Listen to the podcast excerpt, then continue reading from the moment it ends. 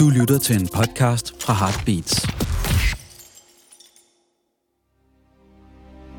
Human rights are women's rights, and women's rights are human rights. I can do what was not possible for any of them, with a whole empire listening. We want to end gender inequality.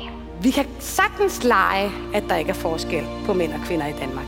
I speak on behalf of climate justice now. Gian, Gian, Azadi, women, life, freedom. I'm not a lone voice. I am many. And the norms and notions of what just is isn't always just is. Vi gjorde det!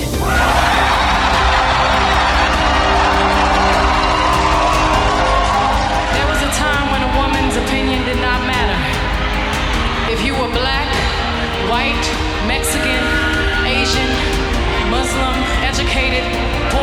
Du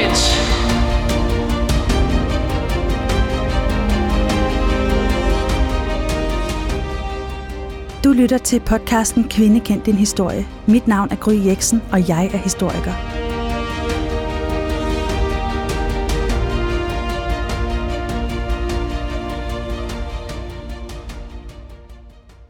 I dag skal det handle om en kvinde, der hedder Sylvia Pio, i folkemunde også kaldet den adelige socialist. I en artikel om hende fra 2009, der stod der, at hun var et usædvanligt menneske, der nåede samfundets top og blev en slags første dame i tre af de mest forskellige samfundslag. I landadelen, i det højkulturelle borgerskab og i den socialistiske arbejderbevægelse. Hvis du sidder og tænker, at jeg har aldrig hørt om Sylvia Pius, så øh, skal du ikke fortvivle, fordi det er ikke en historie, mange kender. Det, der også er spændende ved Sylvia Pio, det er, at hun faktisk har sat et ret stort præg på Danmarks historien. Et større et, end man lige skulle tro. Min gæst i dag sagde til mig, at øh, Sylvia Pius historie handler jo faktisk om en kvinde, der sætter sig for at skrive historien om, og som i den grad lykkes med det. Derfor vil jeg godt starte med at byde velkommen til dig, Kalle Kylmand. Det er mig, der siger tak. Og Kalle, det er simpelthen tredje gang, du besøger min podcast. Yes. En sand krigsveteran her på Kvindekendt i historie. Ja, ja og altså, det, det skal ikke være løgn. Jeg er meget, meget forkælet øh, med meget dygtige og kompetente og kvalificerede gæster i, i studiet hver eneste gang, jeg optager en, en episode. Men Kalle, der er altså ingen, som lytterne elsker mere end dig. Nej, det ved jeg også godt. Ej, Så, det er jo fornøjelse at være tilbage. Og det er fedt, at du er tilbage, Gry. Ja. Ikke? Ny sæson. Der har været lang pause. Jeg tror, du har været savnet. Øh, jeg har i hvert fald savnet at komme her i hvert fald. Ej, det og jeg har glædet mig sindssygt meget til dagens episode. Fordi det... at øh, det bliver rigtig, rigtig vildt i dag. Du sagde faktisk, inden vi startede, at øh, de, to, de to episoder, du har været med i, det er jo sådan middelalder renaissance-historie. Ja, ja, Sofie ikke, fra 1600-tallet, 1500-tallet, 1600-tallet, og selvfølgelig mor Sibrit fra 1500-tallet. Og det er jo så lidt sjovt, så har jeg fået et eller andet stempel om, at det, om det er Kalle, det er ham med de der damer for meget, meget lang tid siden. Men det er jo faktisk ikke mit ekspertområde. Det er jo faktisk egentlig 1900-tallet, og det er faktisk og 1800-tallet, og det er faktisk også om arbejderbevægelsen. Så som det skal er... handle om i dag. Det er faktisk egentlig det, der er min, en af mine spidskompetencer. Ja, så du er virkelig en fuldstændig perfekt gæst, og øhm, der vil jo nok sidde nogen derude, der ikke kender dig. Så ja. jeg vil godt lige starte med at bede dig om at præsentere dig selv kort. Ja, som sagt, øh, jeg hedder jo Kalle Kylmand. Jeg har en podcast, der hedder De Røde Fjer, hvor at, øh, jeg har lidt gjort det til min livsmission at prøve at smadre Danmarks historien øh, 10 for 10. Og, øh, og gennem De Røde Fjer, så har jeg jo også, ja, jeg laver byvandringer, foredrag, oplæg, øh, værtroller, gud næ, altså ja, jeg vil sige, jeg er blevet historiegøjler og guds noget, ikke? Så hvis I, uh, hvis I har et, uh, et firmaarrangement, eller en, uh, hvad hedder det, skulle jeg sige, eller bare lyst til at sprede lidt dårlig stemning, så kan I jo bare ringe til mig, så kommer jeg. Og det er på kaldekylmand.dk? Ja, eller det er faktisk de rødefjer.dk. De rødefjer.dk. Nå, men uh, Sylvia Pio, som ja. det skal handle om i dag. Hvordan øh, blev du opmærksom på hende og begyndte at interessere dig for hendes historie? Jamen altså, jeg blev opmærksom på Sylvia, fordi uh, hun hænger ud med nogle af de tre værste superskurke på de Røde Fjers show.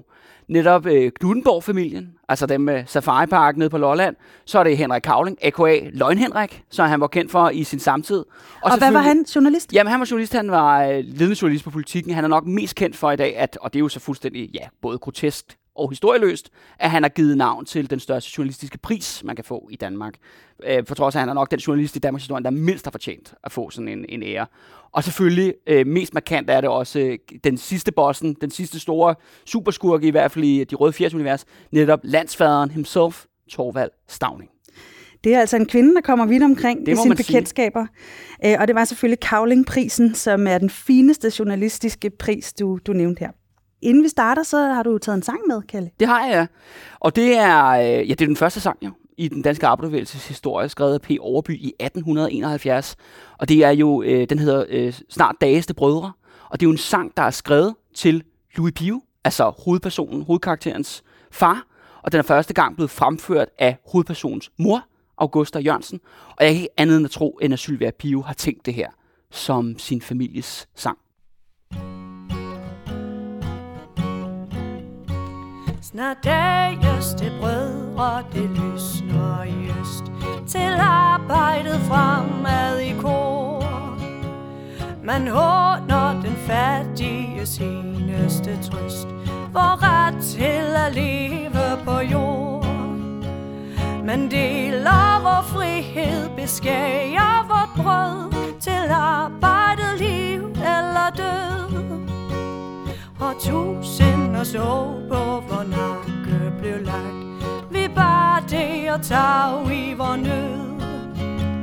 Men er vi de mange, så værer det sagt. Vi fordrer det daglige brød.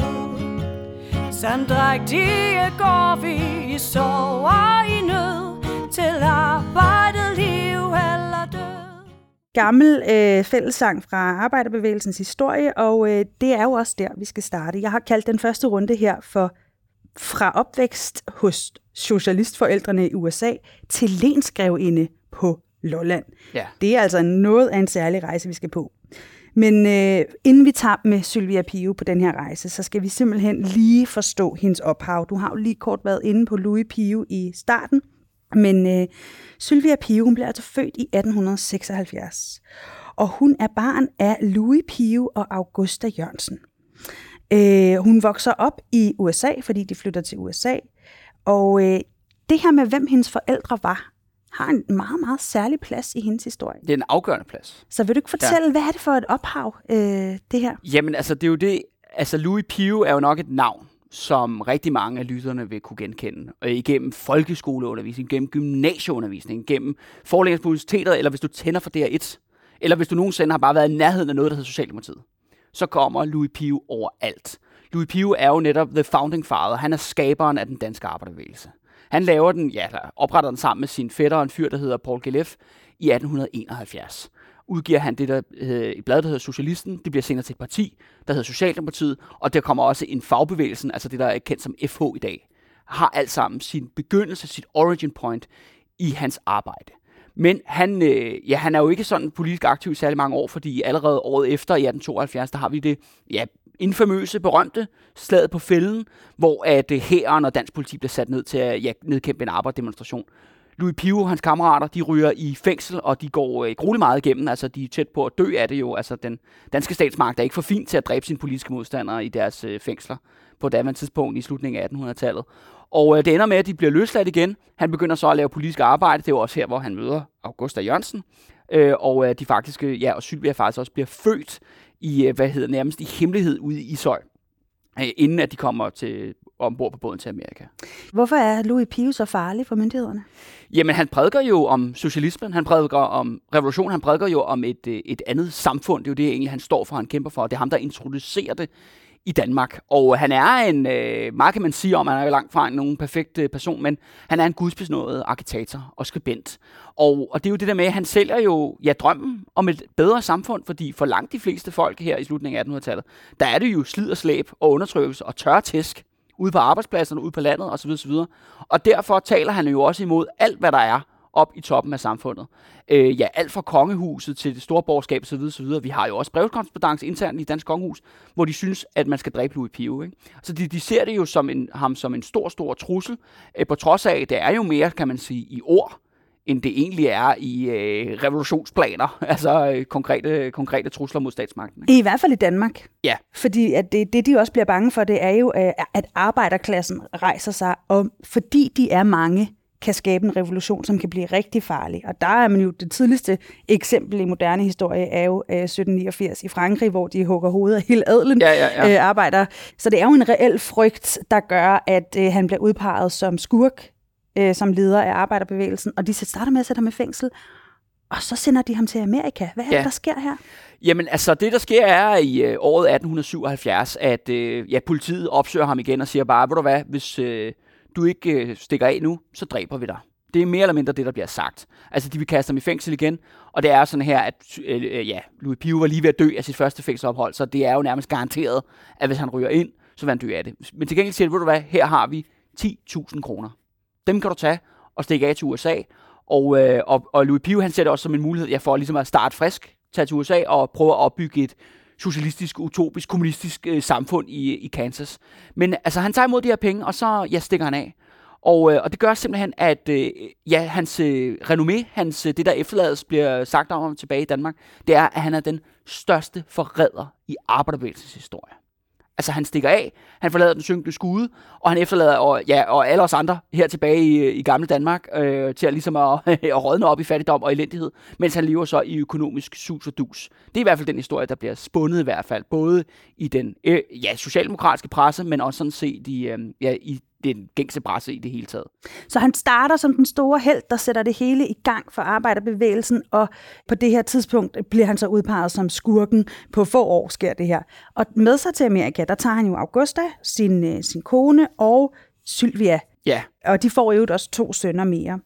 Men det er altså den her baggrund, som Sylvia hun vokser op på, og det er den her fortælling fyldte meget i deres familie. Hun bliver jo opdraget socialistisk over i USA, og det er altså ikke nogen, det er ikke et liv i sus og dus, de nej, kommer til nej, Det er nej. virkelig hårdt øh, hårdt derovre, og, øh, og hendes far hudler sig jo igennem tilværelsen. Og, og han bliver i hvert fald ikke nogen stor kanon, som han måske går og drømmer om. Og det er jo moren, der kæmper dem igennem. Altså Pio, han er jo en knækket mand, både på sit helbred, men også psykisk bagefter. Men Sylvia har jo det her tætte forhold til faren. Altså hun ser ham virkelig som det her store ideal, som den her kæmper for socialismen og fremtidstroen. Men man skal huske på, i det her danskermiljø, som er i Chicago, og, øh, og hvad de får beskeder hjemmefra, der møder hun jo gang på gang, mens hun vokser op, det der med, din far er en forræder. Og du er dermed forræderens datter. Det bliver faktisk sat øh, ligesom streg under, fordi i 1886, der er Augusta og Sylvia tilbage i Danmark, altså uden Louis Pio, som bliver hjemme, altså bliver tilbage i øh, USA. Og der er de faktisk et møde i Rømersgade, der hvor Arbejdermuseet ligger i den dag i dag. Og der er der så øh, nogen, der begynder at tale om den her forræderen Louis Pio. Og der rejser Augusta Jørgensen op og taler mod den her forsamling om, om hvad der sker. Og Sylvia sidder så ved siden af som 10-årig og ser moren altså øh, bryde ud i gråd, fordi at hun skal forsvare øh, ja, faren. Og det skriver Sylvia senere hen i sit liv, at det her det er ret afgørende. Det er ret afgørende øjeblik, og det er der, hun ligesom, kan man sige, får sin mission. Så det starter tidligt i hendes barndom, det her med, øh, hvad der senere bliver hendes helt store livsmission, at skrive ham tilbage i historien som ja. helten. Men det præger selvfølgelig også hendes øh, syn på livet og på verden, ja. øh, denne her socialistiske opvækst.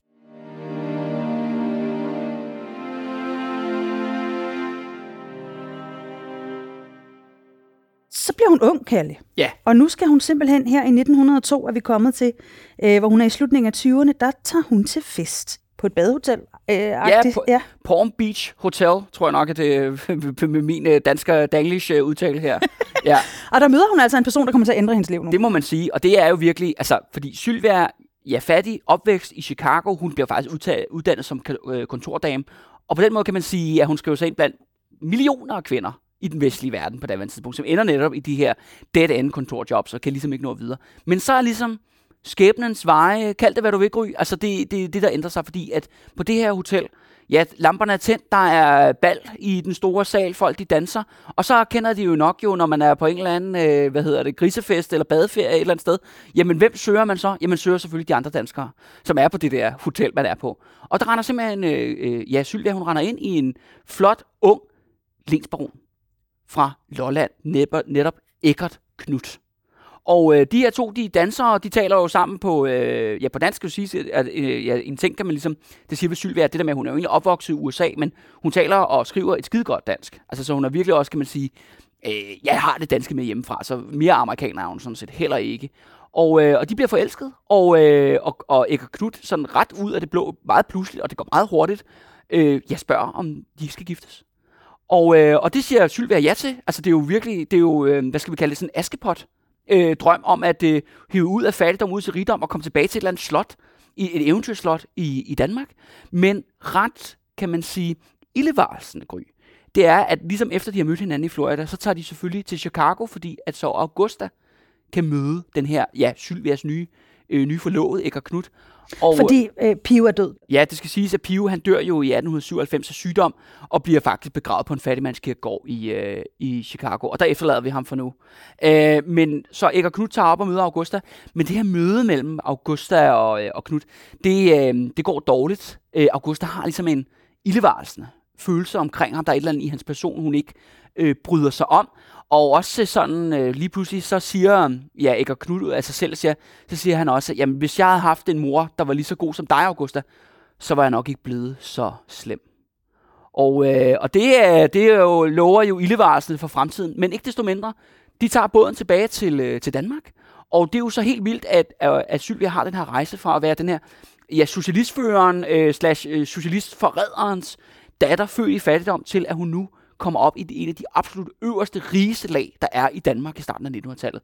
Netop Knuttenborg-familien, Knut-familien nede på Lolland, som ejer et gigantisk stykke land der, dernede. Og altså, øh, jeg tror ikke, at der er nærmest en eneste dansker, der ikke kender Knuttenborg Safari Park. Øh, men det skal vi ikke tale om lige nu, nej. fordi det er ikke blevet Safari Park nu det, her. Nej, der er ikke nogen Safari Park endnu. nej, det nej. er der ikke. Øh, hvad er det for en familie, hun øh, bliver gift ind i her, Kalle? Jamen, da Sylvia ankommer til, øh, til Knuttenborg, så er det jo en helt anden verden. For det første står der, er, er alle tjenestefolk og alle bønderne på området, de stiller sig ud ved vejen for at modtage den nye Linds øh, baronesse, som hun jo egentlig bliver. Hun kommer ind i slot med den her elgamle historie. Knut-familien kommer til Danmark fra Tyskland i slutningen af 1600-tallet, og bliver simpelthen en af, kan man sige, en del af højadelen. Altså det kan godt siges, at Knuttenborg er en af de rigeste godser, en af de største godser. Men Sylvia er jo ikke særlig længe på det her slot, før hun opdager jo, at hun, hun er flyttet ind sammen med Dracula. Det er simpelthen Knuttenborg-familien, Knut-familien, Det er noget af det tætteste, vi på kommer på i Danmarks historien øh, af vampyrer. Det, man taler også om det, de, de omtaler det selv i Knudden-familien, som om, at de har en forbandelse, der hviler over familien. Fordi det er sådan her, at, at øh, Knudgræverne, baronerne, de bliver ikke særlig gamle. De fleste af dem, de dør, før de fylder 40. Øh, og de opvokser også, kan man sige, det er enlige mænd, der opvokser på det her kæmpestore slot med alle de her under, ja, folk, der skal arbejde for dem under dem, øh, hvor de kan gøre, hvad der vil, fordi deres fædre jo og deres mødre er døde, mens de vokser op. Og det mest markante netop er Ægger Knud, fordi Sylvia er jo der ikke særlig længe, det skal også siges. Hun får jo også to børn med Ægger Knud, netop først øh, Frederik Knud, og senere øh, Eva Knud. Ja. Og, øh, men hun ret hurtigt indser og opdager jo, at Ægger Knud er jo pædofil. Ja. Der var noget om det der med at sige til hendes mor, at han var slem, og ja. det var værre, end man skulle tro, faktisk. Ja, og det skal siges, at det har de altså, det er noget, der løber i familien. Og der må jeg også blankt indrømme for dig, øh, ja, Gry, og sådan set alle lytterne, at jeg er ikke upartisk i det her. Fordi min farmor og dermed også mine oldeforældre er opvokset eller kommer fra Hunseby, som ligger under Knuttenborg Gods. Det er faktisk den landsby, som er lige ved portene til den moderne Safari Park. Og jeg har fået opvokset, jeg er opvokset med redselshistorier. Så i lokalområdet, der ser man ikke op til Knuttenborg? Nej, men det er også derfor, jeg kalder dem vampyrer, altså eller Dracula, for at låne noget for øh, fiktionsverden. Altså alt, hvad du har om onde græver i vores fælles kulturshistorie. Hvis der er en familie og et slot, der passer på den historie i Danmark i en dansk kontekst, og ikke i Transylvanien nede i Rumænien, så er det altså Knuttenborg. Og, og det er noget at gøre med, at de sådan set er, øh, de har politi og domsret over alle de folk, der lever på det her gods. Greven på Knuttenborg kan gøre, hvad fanden de har lyst til. Og uanset hvad for en karakter. Alle, der er opvokset i Bandholm eller i Hunseby, som ligger under godset, jamen altså, de kan bestemme liv eller død. Okay, øh, det lyder som en ret ubehagelig familie at blive gift ind i, ja. Kalle. Og Hvordan det er jo det der med, håndterer hun det? Jamen, det er jo det. Altså, Sylvia går jo fra, at det er jo den store ja, Askepot-eventyret, H.C. Andersen taget ud af et eller andet i den, i den dur, ikke? til hun lige pludselig opdager, at hun er fanget i et redselskabinet. Det kan godt være, at de alle sammen har fint jagttøj på, og øh, der er puncher og, og liv og glade dage og storjagt og sådan noget, men det her underspor med Eggerts overgreb, både på øh, af slottets ansattes børn, altså også øh, småpiger fra Hunseby, Landsby eller Bandholm. Og det skal siges, han er nærmest hævet over loven. Altså, der er ikke nogen, der kan røre ham, der er ikke nogen, der kan gøre noget ved det. Og det skal også siges, ifølge det her, øh, hele den her historie, der er aldrig noget retsligt efterspil, der er aldrig nogen, der siger erstatning, og der er aldrig kommet en undskyldning fra Knuttenborg. Pædofili er jo noget af det værste. Øh, ja, også den dag i dag. Men var, det var det også dengang. Det var det også dengang, ja. ja. Og, og, øh, og Sylvia, hun tager det jo hårdt. Altså hun bliver altså virkelig psykisk påvirket det her. Hun bliver indlagt flere gange på det, man kalder så nerveklinikker i starten af 1900-tallet. Og det betyder jo, at hun har depression, hun har et sammenbrud. Prøv at forestille dig at være fanget i, et, ja godt nok i vild luksus og rigdom øh, med, med en pædofil. Og det også bliver særligt kritisk efter, at datteren Eva bliver født i 1911. Fordi at Sylvia selvfølgelig har en klar frygt om, at Eggert, Eggert vil også forgribe sig på datteren. Fordi han jo netop går efter ja, små piger i den der alder der. Ikke? Ja. Så hvad gør hun? Jamen, hun kæmper selvfølgelig med næb og klør for at få en, en skilsmisse. Og det er jo så her, hvor at, at Sylvias øh, skal vi sige, specielle talent øh, kommer, kommer frem, fordi at jeg, som jeg ser Sylvia, hun er en, hun er charmerende. Hun ser godt ud.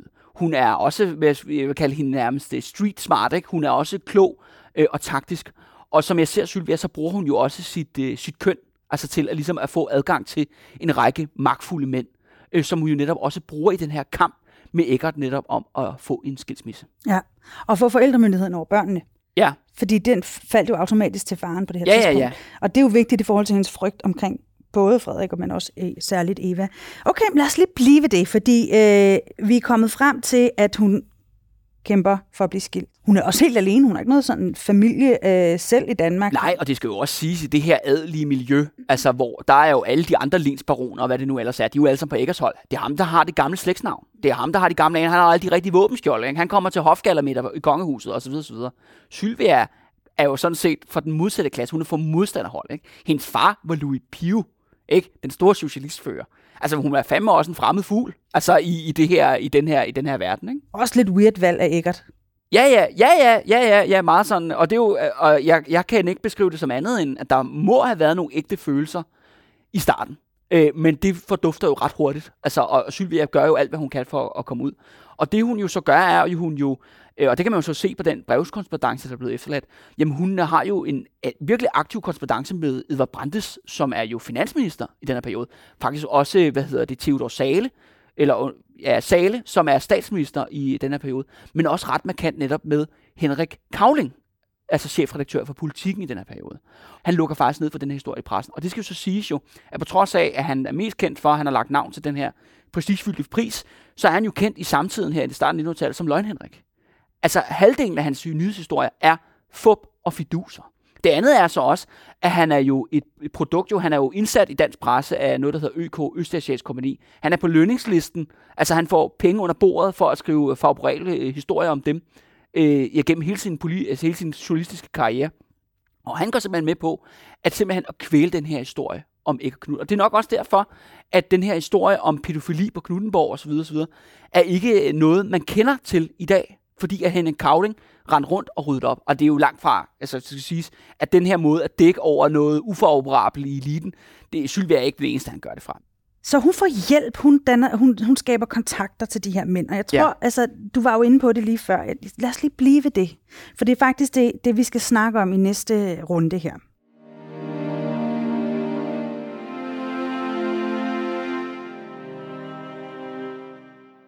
Kalle, du var inde på Sylvias øh, evne til at skabe kontakter til magtfulde mænd. Ja.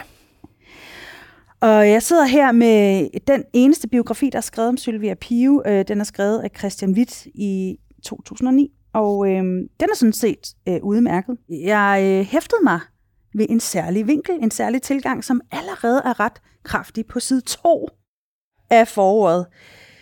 Der står simpelthen her om Sylvia. Hun lignede slet ikke tidens andre kvindesagspionerer som Elna Munk, Nina Bang og Tit Jensen, der ikke udmærkede sig ved skønhed eller charme. Helt inden i denne bog kunne sno sig ved en kombination af kløgt og skønhed, og med sans for det charmerende vu i hoften og det lille blink i øjet. Takket være sit flotte udseende, særlige begavelse og charmerende væsen, kom hun til at væve sig synligt ud og ind af dansk, amerikansk og russisk politik og kulturhistorie. Det var dengang verden blev moderne, kvinder viste ben og prøvede at blive synlige i det offentlige liv, og det gjorde Sylvia så flot, at mange af samtidens mænd bemærkede det. Ja. Øh, nærmest på hver anden side i den her bog, der står der, at hun er smuk og lækker og sexet. Ja. Og at det er faktisk primært er derfor, at hun kommer så langt i Ja. livet, som hun gør. Øh, det provokerer jo mig lidt, Ja. øh, fordi øh, han øh, jo nævner Nina Bang og Tit Jensen og Elna Munk, som, Ja, som også, også er- kom langt i livet på det her tidspunkt, øh, uden nødvendigvis at bruge deres udseende. Hvorfor er det så vigtigt at fremhæve i Sylvia Pius historie? Altså, jeg må jo blankt indrømme, Gry her, som den hvide heteroseksuelle mand, at øh, jeg skulle også lidt lun på Sylvia Pio. Altså, det er, det, det er svært. Øh, der, der er tydeligvis det der med, at hun har haft en enorm charme. Altså, man kan jo se øh, billeder af hende. Hun så godt ud, men jeg tror, det er mere hendes personlighed. Jeg tror, at hun har, altså, hun har virkelig formået at også spille op. Hun passer, kan man sige, også til en stereotyp. Eller sådan et, et sådan, hvad skal vi kalde det, måske et sexideal i den her periode. Og det har også virket på mange af de der mænd. Men Sylvia er jo så meget mere end bare det der. Som jeg ser det faktisk, og det ser, kommer vi jo også til senere hen i dagens episode, at hun bruger jo også det her aktivt. Det er simpelthen det er et våben, hun er født med. Det er det, hun har på et tidspunkt, hvor kvinder jo ikke er øh, ligestillet. Der er jo ikke, de er jo ikke engang juridisk rigtige personer. Det bliver det jo først sådan, begynder jo faktisk først i 1915, altså efter hun faktisk bliver skilt fra, øh, for Knud der, øh, og sådan set og, øh, og fortsætter. Men, men hun kæmper jo også, og det ser vi jo så også senere, hun kæmper jo også for kvinders øh, rettigheder. Og nogle gange må man jo bruge, øh, hvad man har. Ja, altså jeg, jeg kan kun være enig med dig i, at det selvfølgelig på det her tidspunkt øh, kan have været en, en, et, et godt våben at smyge sig ind med, med sit udseende. Men jeg synes, det er lidt overdrevet og, og Ja. nærmest øh, gøre det til hovedoverskriften på hendes bedrifter. Ja. Det kan godt provokere mig, men øh, lad, os, lad os lande den der og komme videre, fordi øh, hun blev skilt. Ja. Og så blev hun faktisk gift med en stor stjerne øh, på den her tid, en skuespiller, der hedder Johannes Poulsen. Og de er sammen med nogle år, som er meget flamboyante, og det er en, en, en spændende periode også. Men det har vi valgt ikke at dykke ned Ja, i hun, i dag. altså, det skal jo siges, hun har et kanonspændende liv. Det har altså, hun altså. Virkelig, altså, hvis der var nogen, jeg man ville til fest med, så tror jeg, at det er altså Sylvia Pio. Men, øh, øh, men det bliver altså ikke i den her omgang. Det bliver ikke i den her omgang. Vi har valgt at springe det ægteskab over, fordi det, vi skal tale om nu, det er jo den store livsmission. Ja. Nu går hun i gang med og øh, kæmpe for at få genskrevet, eller i hendes øjne måske renskrevet, historien om sin far, Louis Pio, som jo er grundlægger af arbejderbevægelsen og Socialdemokratiet. Øh, Jens Engberg, historiker, som jeg ved, du elsker højt, han skriver, hun dyrkede mindet om sin far med nærmest religiøs hengivelse. Han havde været det smukkeste, ædleste, klogeste, kærligste, mest uselviske menneske, der kunne tænkes, og hun ville have ham kanoniseret som helgen af Socialdemokratiet. Mm. Hvorfor er det så vigtigt? Eller hvad er det, der sker her? Jamen, jeg tror, altså noget handler det om, at det er jo også en, en datter, som, som elsker sin far. Altså, som har et tæt forhold til sin far, og, men også tror jo på hans politiske mission. Det er jo egentlig det, hun formår jo at gøre, at skrive Louis Pio ind i Danmarks historie. Ja, hvordan gør hun? Hvad gør hun? Kan Ja, jamen altså, og det kan man så sige, apropos tilbage til hendes, øh, hendes køn og hendes charme så videre, det bruger hun jo benhårdt netop til at gå efter den helt store, kan man sige, kanon i dansk politik i starten af 19- af 1920'erne, netop Torvald Stavning. Ja.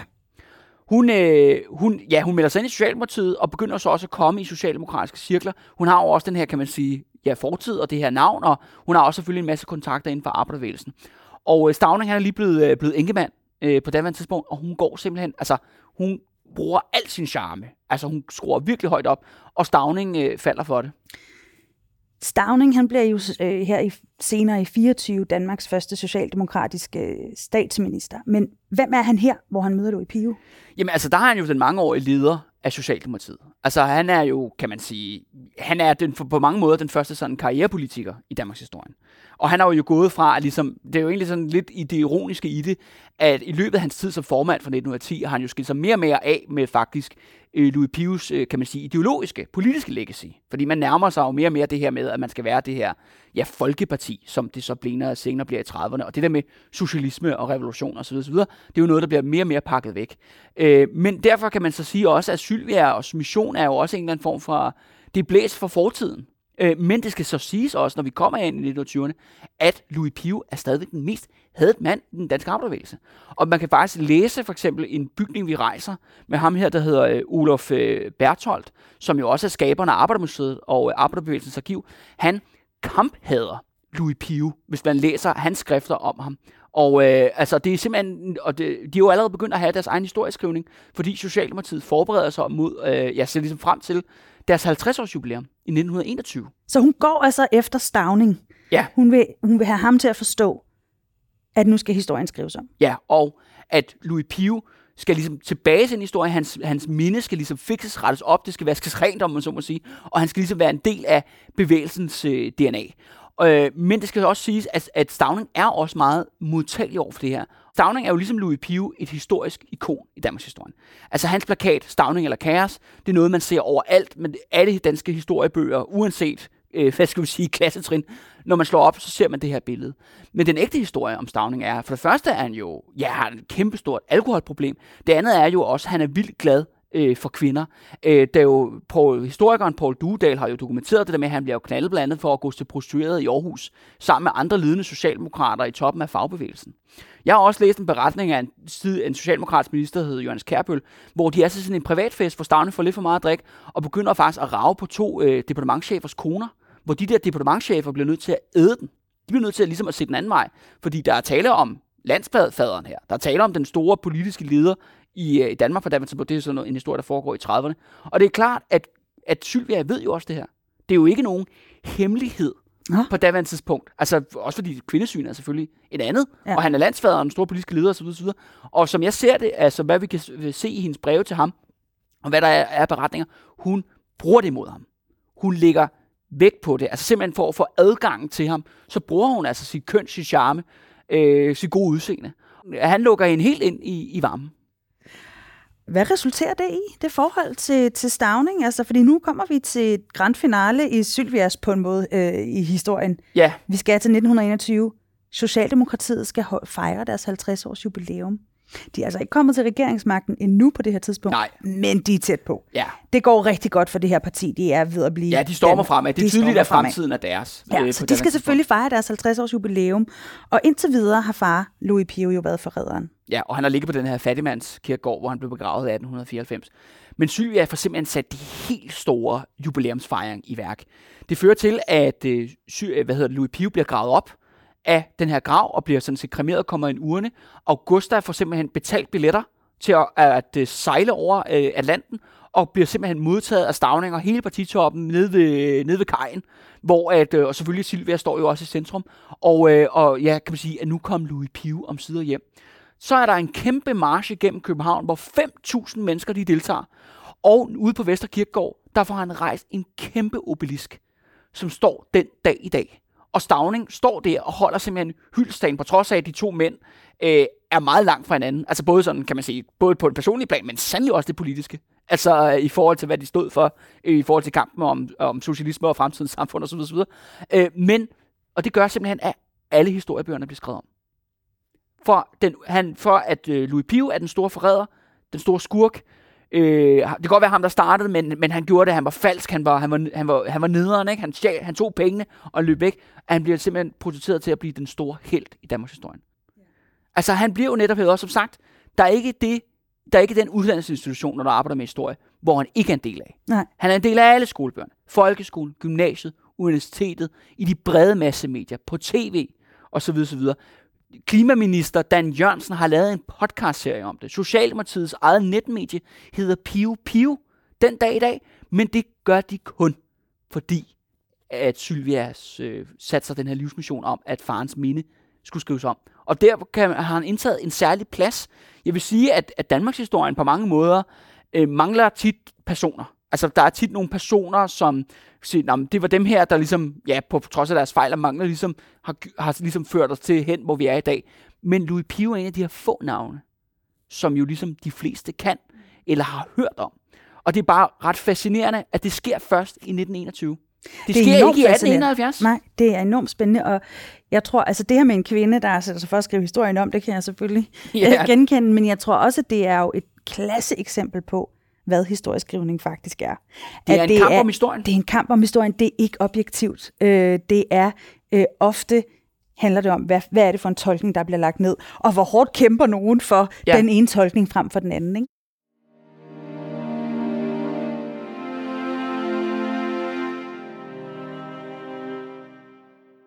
Missionen er fuldført. Det må man sige. Øh, men det her forhold til Stavning, det, øh, ja, det, det stopper jo ikke det, her. Nej, men man kan så sige, lige efter hun har opnået altså the grand finale, ikke? Altså, og ligesom fået ham hævet op, øh, øh, farmand der, jamen så bryder hun faktisk kontakt med Stavning. Det gør hun. Ja. Hun skal ligesom, øh, hun skal videre i, øh, i teksten. Øh, og resten kan man sige, hun har jo faktisk et, liv, et spændende liv fortsat. Øh, hun øh, bliver især optaget af, hvad der foregår over Sovjetunionen, og jeg rejser til Moskva og faktisk bor derovre i, i flere perioder. Øh, og ligesom fortsætter med det her med, med socialismen og ja, interessen for politik i det hele taget. Hun bor også nogle år i Genève, hvor hun blandt andet studerer ja, socialistisk filosofi, ideologi, marxisme, alt det her. Øh, og så kommer hun så tilbage i, øh, i slutningen af sit liv. Og der indleder hun så et forhold igen til, til Stavning. Øh, og det er også her, hun så melder sig ind i Socialdemokratiet, eller gør hun det i 21? Ja, hun gør det faktisk i 21. Okay, ikke? Og, men, men man kan så sige, jo, der er jo så også en periode der i midten, slut 20'erne, hvor at, jeg tror ikke, hun har betalt sit kontingent med, med faste intervaller i hvert fald. Ikke? Det vil ligesom være det opportunt, ikke? fordi hun har netop set til, Altså, og det kan man så sige, nu kan man sige, at vi i bagklogskabens lys selvfølgelig godt kunne se, hvad Sovjetunionen blev, netop det her diktatur under Josef Stalin, men det var måske det var ikke klart for alle i offentligheden, og slet ikke i, hvad hedder det, på venstrefløjen eh, der i, i 20'erne, og det er også derfor, Sylvia tager derhen, for ligesom at se, hør, er det hendes fars drøm?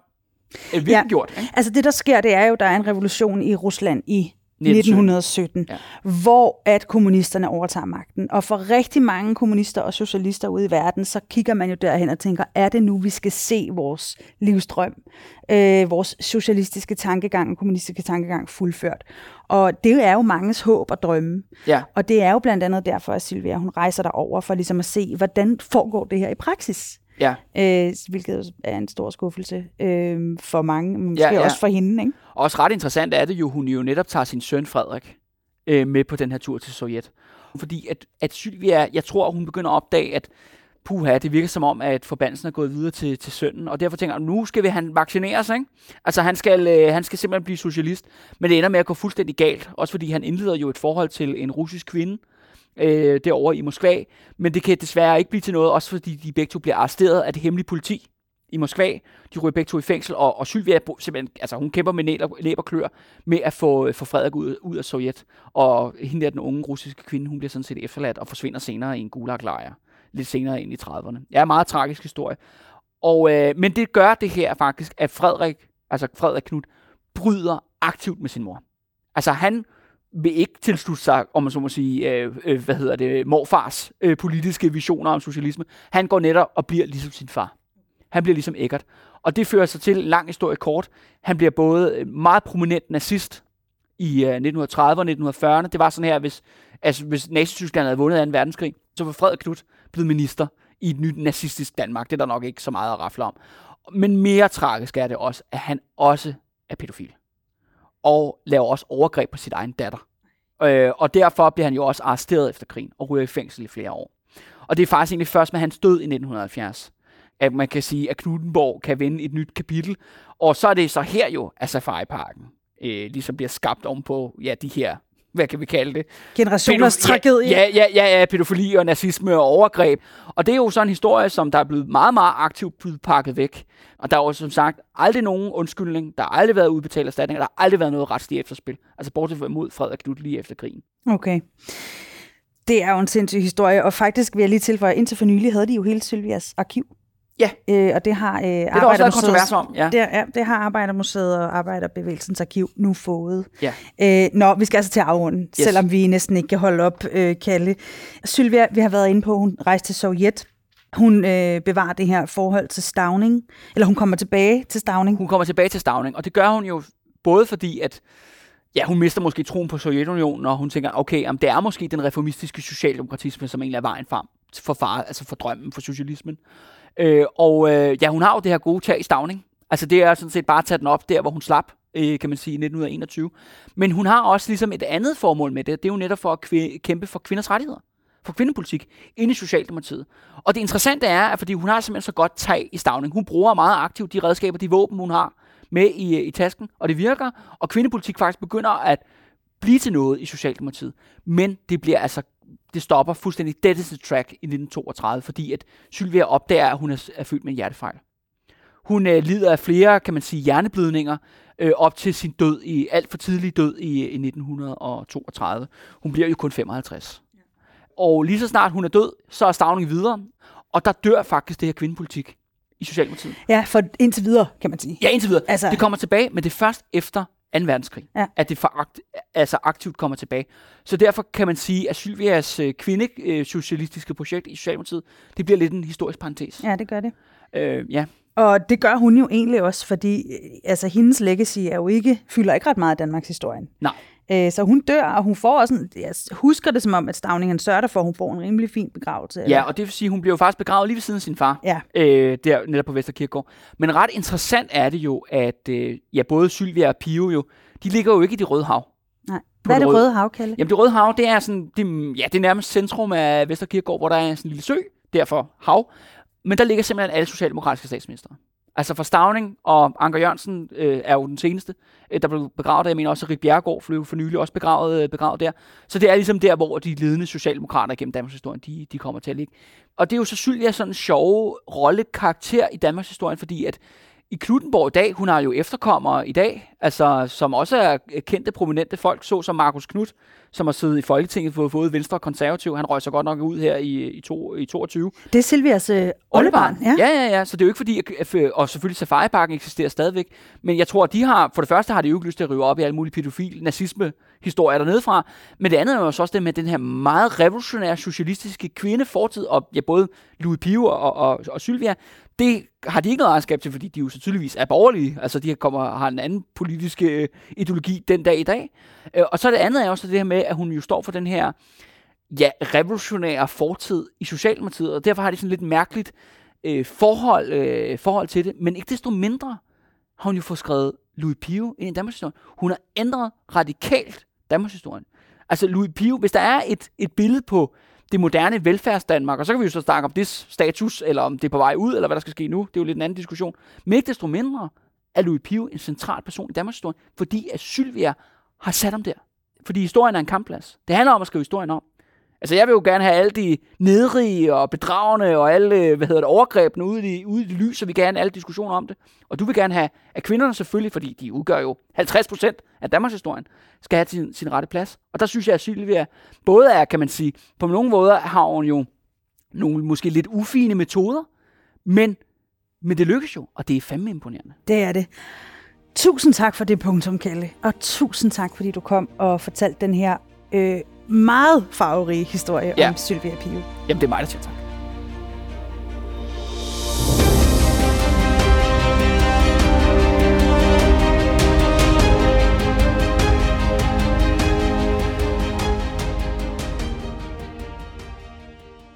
Husk, at du kan støtte Kvindekend din historie podcasten ved at gå ind på tier.dk, altså 10er.dk. Tusind tak, og vi lyttes ved.